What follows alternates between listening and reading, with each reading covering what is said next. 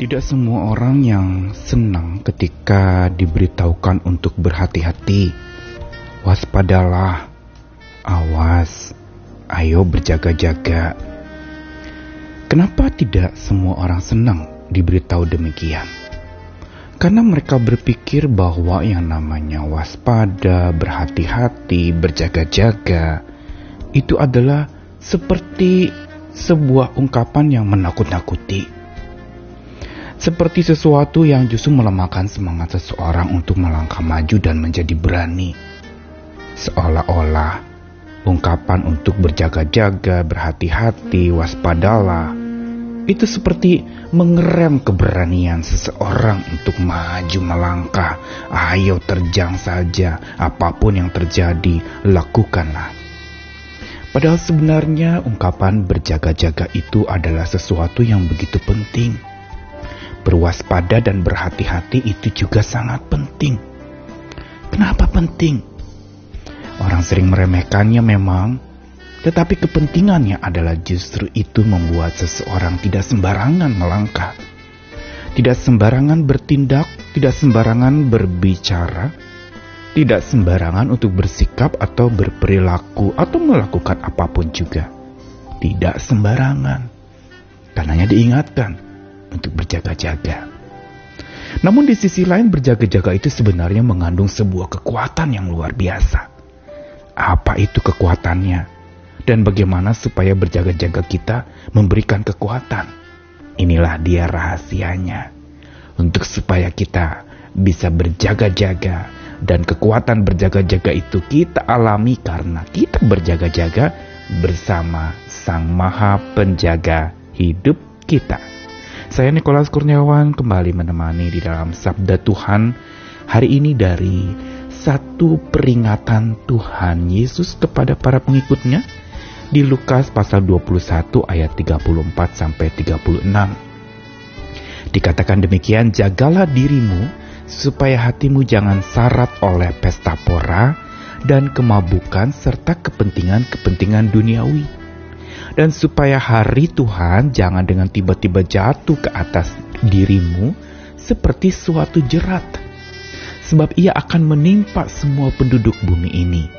Berjaga-jagalah senantiasa sambil berdoa, supaya kamu beroleh kekuatan untuk luput dari semua yang akan terjadi itu, dan supaya kamu tahan berdiri di hadapan Anak Manusia.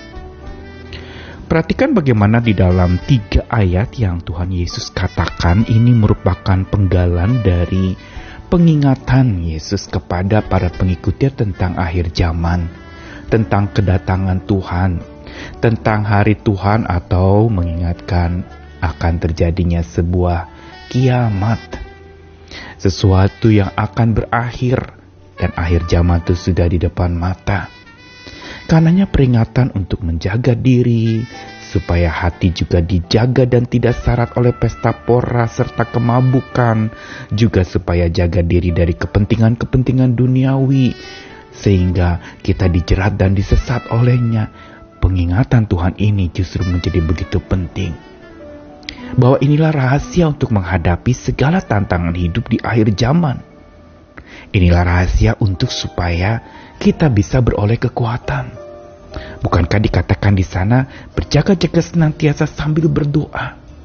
Yang berarti di dalamnya mengandung sebuah makna berjaga-jaga yang bukan sekedar waspada nanti ada serangan dari mana, ada ketakutan dari mana yang datang melanda kita. Bukan berjaga-jaga yang menakut-nakuti sesungguhnya.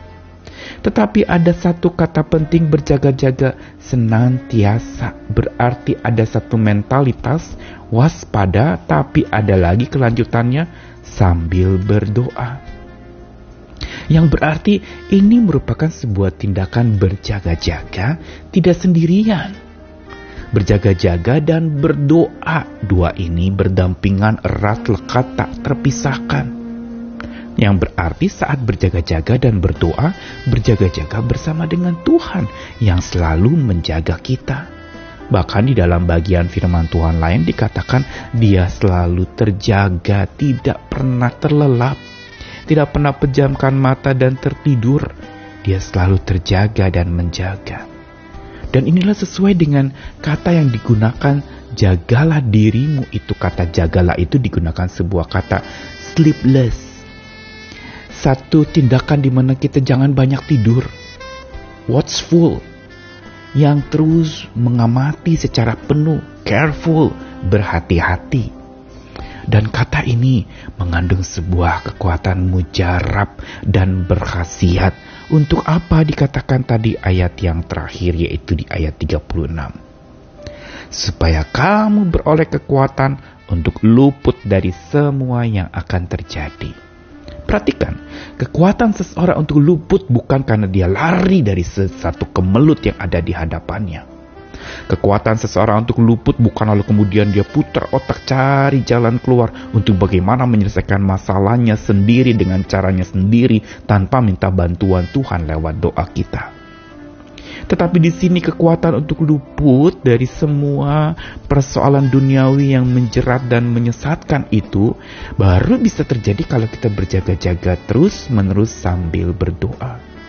Berarti berjaga-jaga bersama penjaga utama kita, Tuhan yang tanpa Dia kita mau kayak apa berjaga-jaga semua akan sia-sia. Bukankah di Mazmur dikatakan sia-sia semua pengawal kota berjaga-jaga kalau bukan Tuhan yang menjaga? Karena itu ingatlah ini bahwa berjaga-jaga kita bersama dengan sang penjaga utama hidup kita yaitu Tuhan sendiri akan memompa sebuah kekuatan untuk kita bisa luput dari segala macam godaan kepentingan duniawi yang menjerat kita begitu rupa, yang menyesatkan kita sampai kita tidak tahu jalan pulang lagi ke hati Tuhan. Mari kita belajar terus berdoa dan berjaga-jaga dan berjaga-jaga di dalam doa kita supaya kita bisa mengalami sebuah kekuatan atau sebuah khasiat yang mujarab dari berjaga-jaga kita yang baru bisa kita alami kekuatannya kalau dilakukan bersama Tuhan Sang Penjaga kita. Selamat berjaga-jaga di dalam doa dan bersama dengan Tuhan yang selalu mendengar doa kita. Jangan takut, alami kasih Tuhan yang mengalahkan ketakutan. Jangan takut, alami kekuatan dari dia yang menjaga kita dan hati kita yang selalu berjaga-jaga bersama dengan Dia. Tuhan mengasihi kita sekalian. Ayo maju lagi bersama dengan Tuhan. Amin.